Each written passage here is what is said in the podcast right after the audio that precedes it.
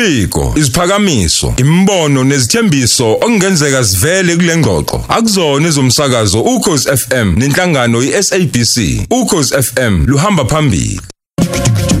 Sithi amandla omnotho ke sibheke nje kakhulukazi ke economy and money doesn't sleep or take a holiday. Siyazi abantu abaningi bathatha ama holiday ekule njoba sesingenile kuma holiday abanye kade bawahlela kodwa umnotho nemali akulali akulithathi holiday akuye bish akuyifaki bikini eh a- a- uyabona nje akuwaphatha amaglasa nemcondo. Umnotho nemali ukhona. Ayifaki igqoko ezi- e- e- ezinembali eyelo imhelane njalo eh eh. Ziyahamba. I'll sleep out. awu slip out. Eh, eh, uyasebenza nje wona. Ake sikhulume namhlanje ake sikhulume namhlanje ke wezomnotho ugugulethu wakaXaba. Siyakubingelela emsakazweni ukhosi FM ngibingelela Mroza naku nakwithimba studio nabalali bokhoza impela nje kodwa singene nje kulenyanga hayi nesikhathi imali isebenza kakhulu khona. Mm, ayilali ayilali. Ayilali mhlobo hayi ke kulungile. Ukhozi FM lusho kanjalo ke eh mhlambe eh, ake ngenze kanje uma luthi amandla omnotho. Ukusiqalele nje usibhekele ikakhulukazi eindaweni esihlala kuzona eh, kuma townships eh siyazi ukuthi kuke kwaba nokusayindwa em kwe township economic development bill eyabi eyayifakwa ngokusemthethweni eh ukuthi iyona ezokwazi ukuthi ilekelele ikakhulukazi amalokishi uma sibheka kakhulukazi eGauteng. Ukuthi umnotho wakhona uthuthuke kumi kuphi njengamanje kuhamba kanjani?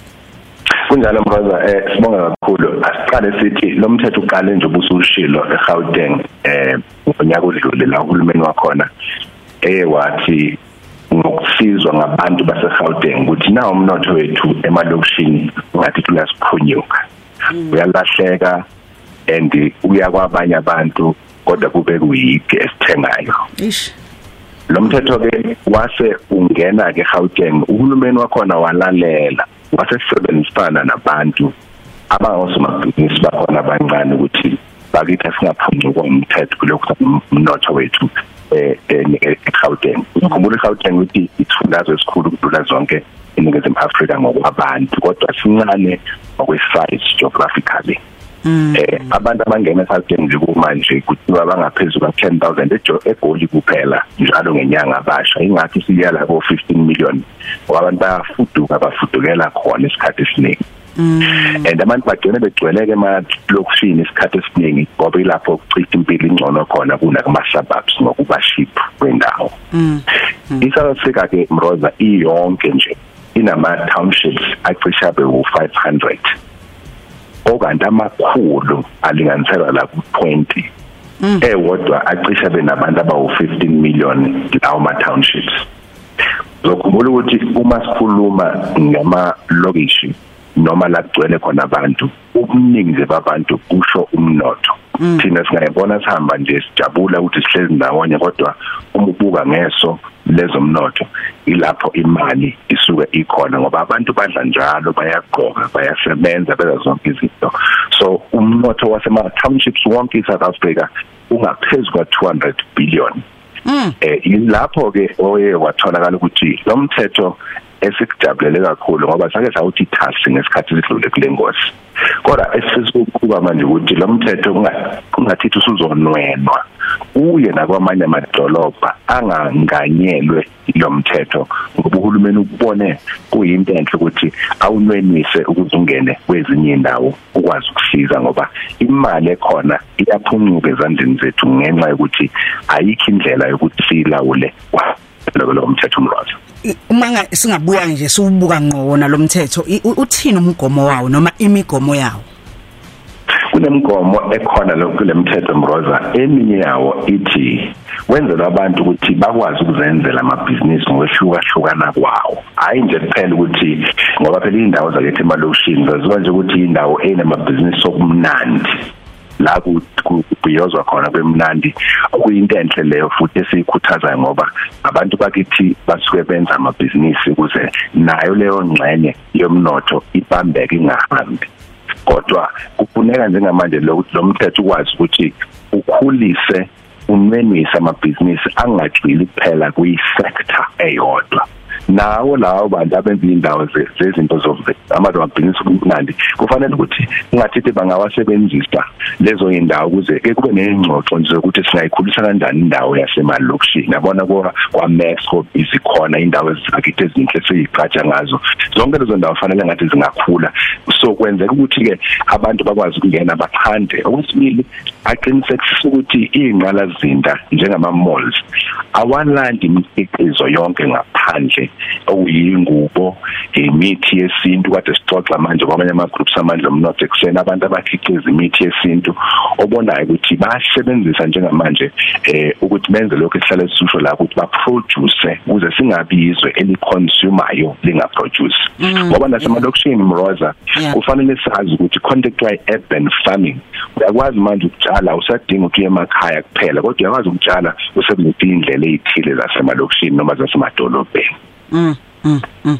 yes mhlambe ukomasipala eh abasuke bekhona lapho kulawo malokishi lawo eh ku- ku- kunakho ukuthi kuxoxiswane ngakho konke lolu hlelo lolu mhlambe kuyona le le le bill yes um- umthetho lo mali bill le isho ukuthi ngisho masipala ngoba i- local government imali eningi ekhona abantu abangakwazi ukuthi basebenzise ukuze bayithuthukise imali esuke ikhona kahulumeni ku local government ngoba local government uyena osuke ethenga izinto eziningi. Angithi nje mroza mhlawumbe ucacela abalaleli. Eh uma ubheka i i- procurement noma ukuthenga nokuthengwa kwezinto eningizimu Afrika u70% wemali usuku uhlezi kwi private sector. Bese kuthi u30% usihlezi ku government lo 30% emkhulu kodwa kakhulu ngoba uyakwazi ukuthi uphuthukise abantu ingakho yena khona kukhuthaza ukuthi uhulumeni eyindawo zasemakhaya kwazi ukuthi noma siphala mroza ngokudlala egabeni zokuthi ku developwe ama taxi ranks neindawo lezi. Kunalento ekuthiye kuthiwa ngo entrepreneurship innovation uthola sekukhona vele okwenzekala endaweni kodwa sekufanele wena uphonse ublanket ngaphezulu wakhe eh okuthile okuzokwazi ukuthi leyo ndawo ikwazi ukusimama noma ibusiness lelo eh ukwazi ukulenza. Libe ngcono eh kunalokho elikhona. So izinto efanele njengamanje ukuthi noma eziqinisekiswa lo mthetho ukuthi ziphonyonthwe ukhuthazwe ukusiza ukukhula kwamabhizinisi emalokishini nga- ngazo zonke indlela. Sike sabheka lapha ngekhathi ngidlula ukuthi umuya lapha nje Chatsworth ama spam ngendlela amaningi ngayo eh ilokishi leli lamandiya. Kodwa ubusuwelela imlazi ubona ukuthi mangaka ama scam akhona akhiqiza impahla awekho. Kodwa Awekho. kunehlobo lodwa lamabhizinisi eh okufanele ukuthi akhuliswe ke kube khona nezindawo ezinika abantu ukuze bakwazi ukuthi bakhiqize. Mm.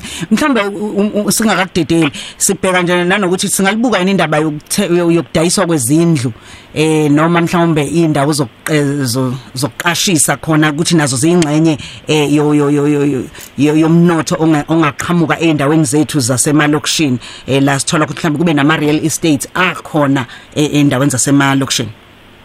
Kufanele mroza abe khona ama real estate emalokishini uqashiswa abaf- abas- abafundi basema university ngoba amanye ama university asethanda ukuthi abesebenzi eduze kwasemalokishini. Bese kuthi okunye mroza uma ungabheka ngokuhamba kwesikhathi ngenxa yofuduko urbanization labantu besuka emakhaya beye emadolobheni indawo izophela emalokishini. And bese kuba khona indlela yokuthi akube khona indlela yokwakhe ehlukile ozothola ukuthi kufanele kube nama high rise buildings emalokishini uwo umzi wakho kodwa ube u3 story uhlale wena ngaphansi uqashisa abanye abantu ngaphezulu. U- u- indlela yokucabanga lefanele sibe nayo manje kusuka manje kuyaphambili esigabeni sokuthuthukisa amalokishi wethu siwabuke ngeso lokuthi singawashintsha abe mahle kakhulu kunakuqala kunangendlela yakhiwe nawakhelwe yona. Mm asivale ngokuthi eh uma kuye kwaba nom- no- nomnotho noma kuza lezi inkampani ezinkulu ziza la kuthina eindaweni esihlala kuzona emalokishini. Eh, sekufanele thina eh, esine esizinhlangano ezingenzi inzuzo eh, kube khona ubudlelano obukhona. Ithini ibill ngalokho? Ngoba phela siyazi ukuthi eh khona CSI la isobili sidinga ukuthi nisinikelele thina njengeyinhlangano ezingenzi inzuzo singabala elokishini kunjalo mroza ngoba eh ngama zindlela i- i- yoku yoku yokuhambisa le le- lento le. Baye bathi ningi indlela zoku- zokuhlinza igadi. Eh i- i- kufanele abantu benze ngendlela ehlukene ngama non profit company non profit organization kumbe benze futhi ngama profit based enterprises ngoba eh uyabona nje kune kune izinto lezi ezi ekuthiwa ama DFIs zinenkece enye ihambisana nokuthi eh uma ufuna ukuthuthukisa i non profit company noma i organization eyenza umsebenzi okukhulisa i social economy endaweni zasemalokishini zifake imali kanjalo ne- na- nama companies amaningi asuke khona amele ukuthi eh, ngakolo ngolomthetho akwazi ukufula ngokuthi afake imali. Wona lama malls amakhulu anemali ehambisana nokufula indawo asuke ekuzona. Yikhona efanele sikwazi ukuthi sikusebenze ngos mfokaxaba sibonga kakhulu ngesikhathi sakho amandla omnotho. Mhlambe nje lokho elakho lokugcina usuphuma? Elami lokugcina lithi ngolesine sike sakhuluma nge-secular ikhuluma ngawo namathaya ukuthi abantu bangena kanjani kulo mnotho wamathaya amandla omnotho edmund ozobe ekhuluma ngalo dodi esihlale sikhuluma ngawo namathaya ukuthi abantu bangena kanjani kulo mnotho wamathaya amandla omnotho dot segment ozobe ekhuluma ngalo dodi esihlale sikhuluma ngawo namathaya ukuthi abantu bangena kanjani kulo mnotho wamathaya amandla omnotho dot co ozobe ekhuluma ngalo dodi esihlale sikhuluma ngawo namathaya ukuthi abantu bangena kanjani kulo mnotho wamathaya amandla omnotho dot co za noma silandele ku Facebook page bazothola lapho so update khona namhlanje kuseni amandla omnotho la suke sinogugu lethu mfokaxaba